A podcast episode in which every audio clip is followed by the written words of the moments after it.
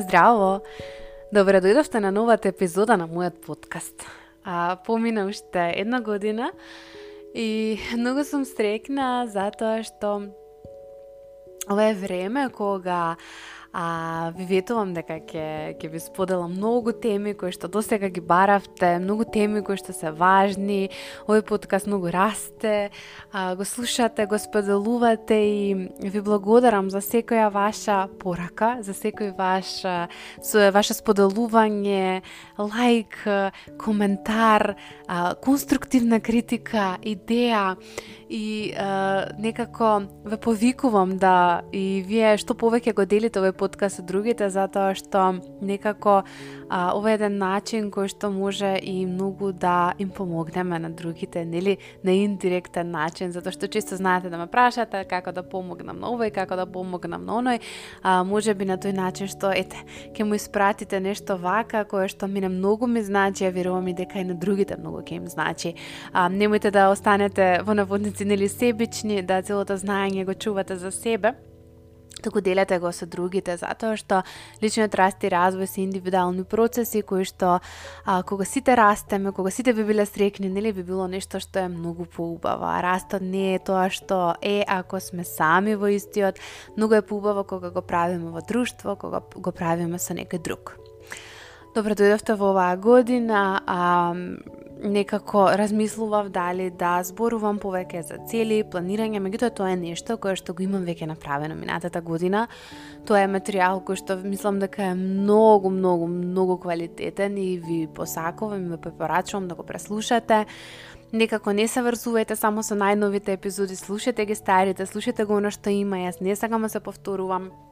може би понатаму здравие кога ќе има многу повеќе епизоди, ќе има и повеќе повторување, ќе има некои работи што повторно ќе се споделуваат, но а, слушате ги старите епизоди за некако да имате поддршка за оние теми кои што ви се значајни,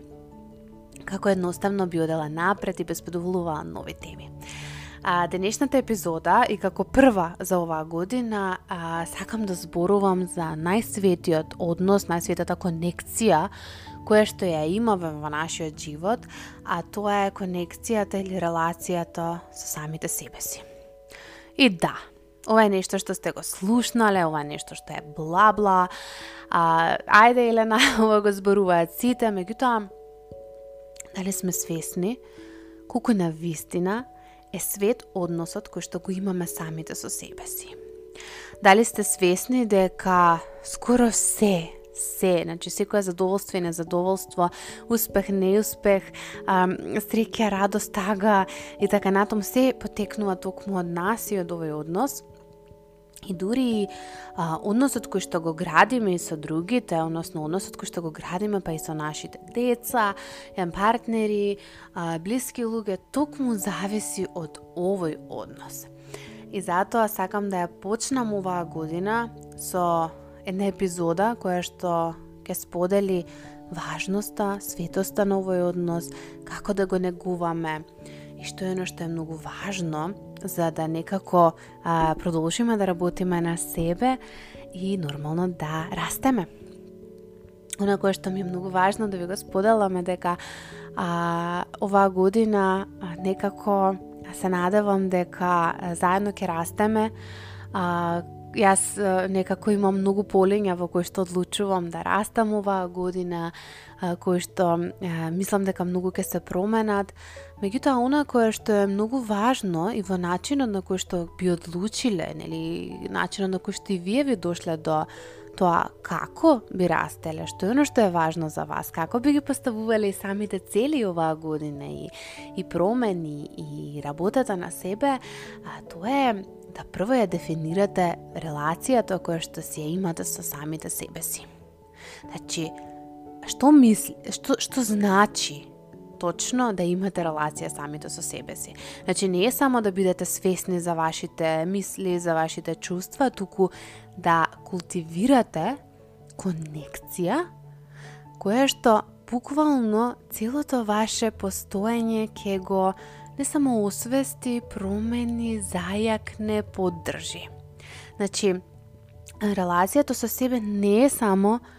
освестување на тоа, до освестување на тоа која сум, туку и буквално действување во насока на што е она кое што за мене е многу важно и што е она кое што мојот однос ќе го зацврснува и мене ќе ме прави подобра, посрекна, позадоволна, а, едноставно ќе ме носи во попосокуваната верзија од себе која што ја имам И а, ова е нешто кое што е многу важно затоа што токму односот кој што го имаме со себе е односот кој што влијае како ние го перцепираме светот. Како ние а, се справуваме со предизвиците, како ние а, ре, а, сме во релација со другите, како комуницираме со другите. И тука е оној момент каков е нашиот мајндсет зависи од нашата релација со нас. А да, а, многу голем дел всушност од живењето или од проблемите кои што ги имаме се должат токму на нашиот мајндсет. Секако, останете свесни дека а, ниту ова, ниту било која подкаст епизода не ја зборувам за некој кој што пати од а, а, состојби кои што се, да речам, подлабоки, кои што имаат проблем со менталното здравје и така натаму, значи ова не е епизода за некој кој што пати од депресија, а, меѓутоа не значи дека и на истиот нема да му подпомогне. А доколку се соочувате со било каков проблем, ве молам овој подкаст да не е замена за психотерапија или за било каква индивидуална работа, побарајте помош. Чисто ова го споделувам затоа што понекогаш добивам коментари од типот на ама Елена, знаеш, не е баш така лесно, станува збор за хормонално пореметување, така натаму, како овај си го кажа, или нели за, не се согласувам со тоа и така натаму, да, значи јас не можам да да зборувам за сите, јас не можам да им служам на сите. Ако одлучам да се обрек, обрекам само на на личности кои што патат од депресија или само на личности кои што патат од анксиозност или само на личности кои што имаат некој преметување на личноста или а, некои други појави, јас едноставно нема да можам да се обраќам на оние на кои што а, можам, на оние на кои што можам да делувам и на овој начин, а Тоа е сите овие кои што го слушате овој подкаст и кои што дефинитивно гледате некој бенефит. Ви благодарам што сте тука. Затоа чисто само сакам некако да го донесам овој момент дека доколку нешто ве тригерира или едноставно не е во склад со вас, тоа е многу нормално, многу природно и секогаш постои една друга перцепција. А што е оно кое што терапевтите го гледаат во однос на нели односот кој што го имаме со себе. А, секогаш терапевтите го нагласуваат овој а, однос затоа што се токму свесни дека овој однос е многу важен и оно кој што се случува и го се случува на терапија и во самата таа работа на себе е еден процес каде што ние слој по слој откриваме од нашето, да речам, живење, од нашиот живот, од нашата личност, ги истражуваме комплексите кои што ги имаме во нашите а, мисли, во нашите емоции, во нашето однесување, оние патерни, шаблони кои што ги повторуваме и е, делот тие слоеви тргаме, делот е, нови слоеви додаваме и некако носиме една целина. А, тоа во гешталтот го нарекуваме како лупење на лушпите од кромидот, едно по едно, и тоа е толку мали, тоа се толку е, ситни лушпи, меѓутоа се дека некако нели не стигнеме и до јадрото, и затоа личниот раст и развој е еден голем процес. А, кога стигаме до јадрото, можеме да видиме и многу други работи, меѓутоа во тој процес на лупање на кромидот, ние гледаме многу искуства, многу верувања, многу шаблони, многу трауми, многу настани и Затоа некако овој однос е многу важен што го негуваме со себе си, затоа што сите тоа е дел од нас, а ние ги имаме сите тие слоеви во нас, не само што ги имаме слоевите кои што се баш онака автентични за нас, за нашето живење, туку ние носиме и трансгенерацијски слоеви. Ние носиме слоевите на нашата мајка, на нашата тетка, на нашата баба, на нашиот татко, на нашиот чичко. Значи, ние носиме трансгенерацијски а, слоеви, трауми, а, колективни трауми, кои што и колективни уверувања, значи трансгенерацијски уверувања, кои што полека можеме да ги откриеме токму низ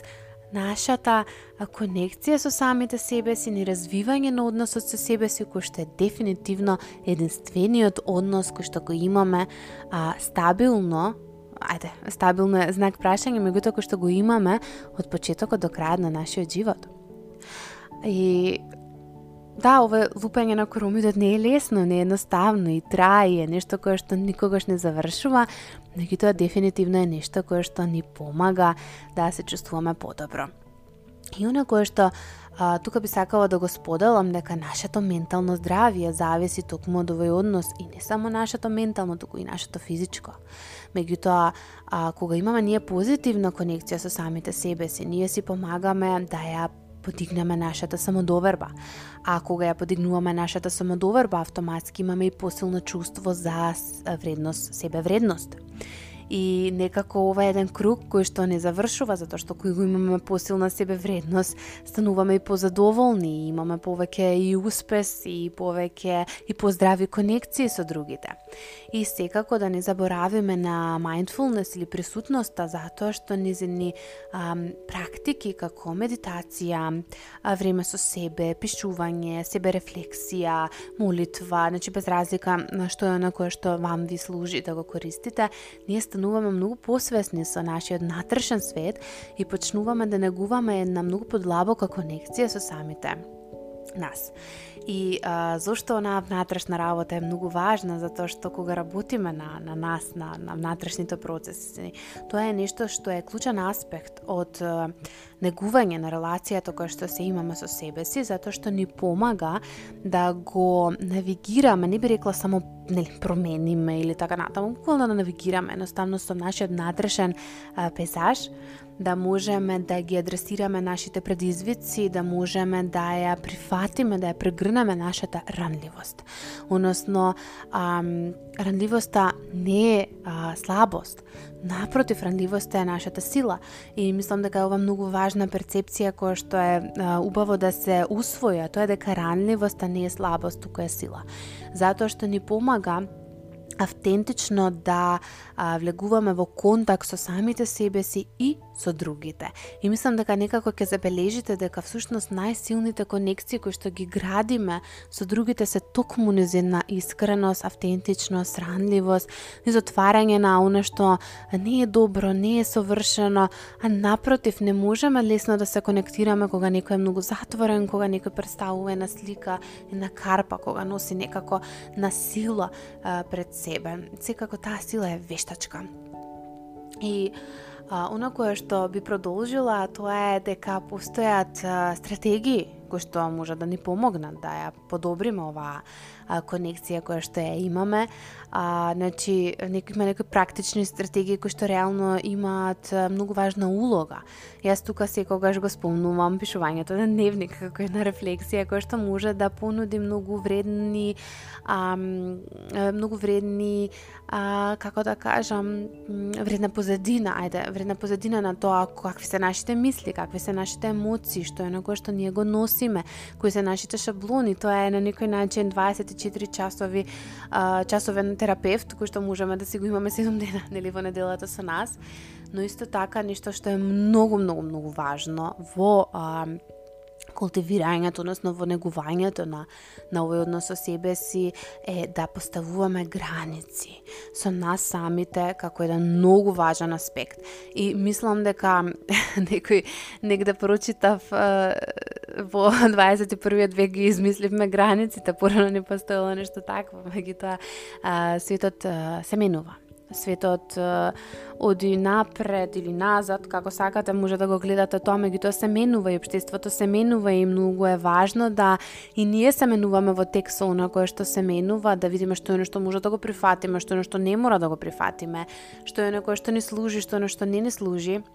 И за да можеме да си ги а, почестиме нашите потреби, едноставно многу е важно да практикуваме грижа за себе како еден фундаментален елемент, како еден главен елемент на здрава релација со себе си. И тука ќе се вратам зашто границите, затоа што токму границите ни помагаат да можеме и да најдеме како да се грижиме на себе, на, за себе, на соодветен начин. И многу се радувам затоа што оваа година прв пат ја почнувам во јануари со асертивна и со сите оние кои што веќе сте пријавени и кои што почнувате заедно со мене, бидејќи јас секогаш кажувам, јас, јас на секој програм одново и одново работам на себе со вас, одново и одново ги решавам прирачниците, прашањата, сите тие вешпи кои што се таму, затоа што тие ми помагаат да видам, аха, окей, во оваа сезона, во овој период од животот во кој што се наоѓам, што е нешто ми треба, што е нешто ми служи, бидејќи животот некако брзо се менува и затоа секогаш ви кажувам, сите вежби остануваат со вас, тоа е нешто кое што ќе ви биде потребно понатаму, тоа е нешто кое што ќе ви помогне да ја градите автентичната релација со себе, силна конекција со сите свесност дека ако во јануари 2024 почнувате, во март 2027 ќе ви треба нешто друго.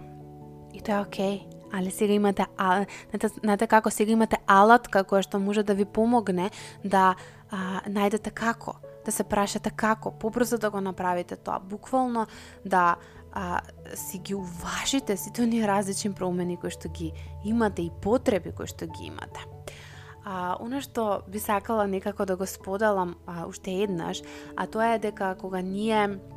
истражуваме, кога ние истражуваме релацијата што се имаме со себе, многу често ќе најдеме дека ова е еден патерн кој што ние го имаме со другите. А, тука свесен родител, свесно родителство е нешто кое што доктор Шефали книга која што исто така малку а, зборува за ова само нормално од еден друг аспект каде што го носи моментот на како децата нели не тригерираат и го ни го носат слика прилика она кое што сме ние. Меѓутоа како ние се однесуваме со со нас самите е нешто кое што им го оставаме на децата. Многу често родителите